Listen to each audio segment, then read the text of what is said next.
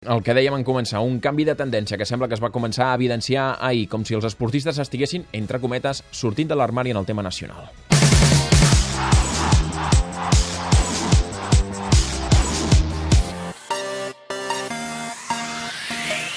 Xavier Vinyals, bona tarda. Hola, bona tarda. El Xavier Vinyals és el president de la plataforma Pro Seleccions Catalanes.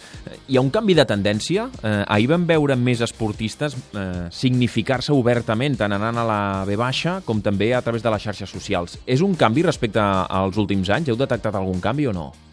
Jo crec que hi ha una evolució clara. Al igual que el país també té una evolució molt clara, amb una direcció molt determinada, crec que el món de l'esport d'èlit eh, també té aquesta, diríem, evolució cap a posicions de més definició respecte al procés polític que viu Catalunya. Uh -huh. És una evolució. Tenim casos històrics coneguts, eh? però d'aquesta manera i obertament esportistes d'èlit eh, eh, del màxim nivell a exposar-se públicament a donar la seva opinió, la veritat és que ha anat evolucionant i una cosa que era pràcticament impossible fa uns anys ara la comencem a veure amb certa normalitat. Mm -hmm. Com que sempre els critiquem, o els criticàvem quan no ho feien, avui volíem posar-ho en valor i, de, i destacar que, per exemple, alguns d'ells, estic pensant en els dos jugadors del Barça, que segurament són els que més expectació puguin aixecar, com Piqué i Xavi Hernández, ho van fer, a més a més, sense pressió, sense que els haguéssiu de trucar, sinó que ho van fer a nivell personal i perquè van voler.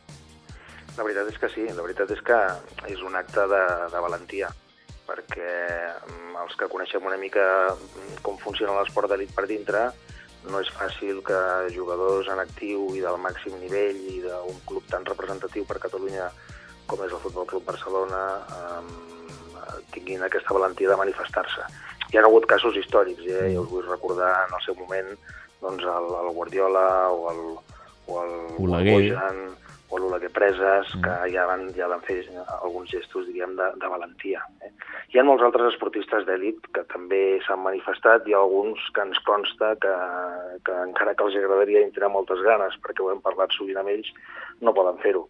Hi ha un cas conegut que mm, sabreu, que és el cas de, dels esportistes d'elit de motor mm. d'aquest país, que inclús algun d'ells ens ha arribat a ensenyar algun contracte d'algun patrocinador que li impedeix eh, fer manifestacions polítiques eh, quan, eh, eh, diguem, quan guanyen algun campionat o quan formen part d'alguna competició. No? I, per mm. tant, alguns d'ells, encara que ganes en tenen, diríem que qüestions contractuals els impedeixen fer-ho. I per això, per exemple, celebrem que ahir a la nit sentíem l'Aleix Espargaró, ara l'acabem de sentir també, dient que dret a decidir i que un poble que vol votar no es pot negar que, que voti, eh? que simplement que, que, que tri.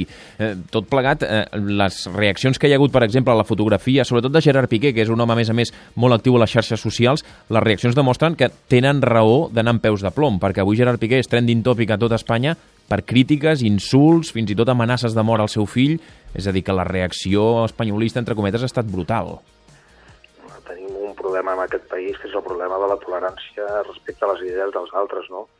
Quan un expressa una idea i l'expressa, diríem, amb una formulació d'un àmbit democràtic, eh, es pot opinar el que es vulgui, però arribar al nivell de desqualificacions que han arribat amb el cas del, del Gerard és absolutament inacceptable. Eh?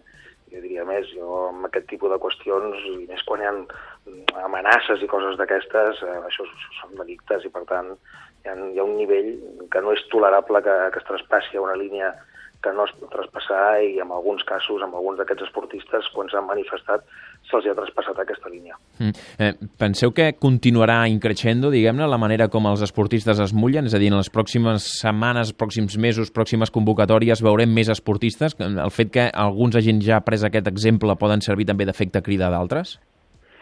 Jo, com deia a l'inici, crec que és una, una evolució lògica. Al final, els esportistes no, no són eh, ens estranys eh, ni aliens a, a les circumstàncies en les que viu el país. Són persones com, com nosaltres, òbviament amb els seus diguem, interessos eh, eh, particulars i, òbviament, lícits, eh, esclar, i amb les seves projeccions eh, eh personals en la seva carrera professional, però són persones i que al final mm, eh, estic segur que estaran al costat del que el poble de Catalunya decideixi. Mm. I el, que al costat del que el poble de Catalunya decideixi decidir. Mm. I en aquest cas eh, on veig, amb, diríem, eh, sí que hi ha hagut cert sentiment de dir, ostres, què passa no, amb els grans esportistes que no acaben de sortir de l'armari, no? que no acaben de mullar-se. Hi havia una, una, una certa sensació de dir, home, potser que feu un pas, no? Bé, doncs eh, jo crec que se'ls ha d'entendre. Crec que han estat molt valents de fer aquest pas, molt, molt valents, jo els felicito per fer-ho, i crec que en vindran més al darrere, segur. Mm -hmm. Us heu posat en contacte amb algun d'ells avui o, espere, o ho fareu en els pròxims dies?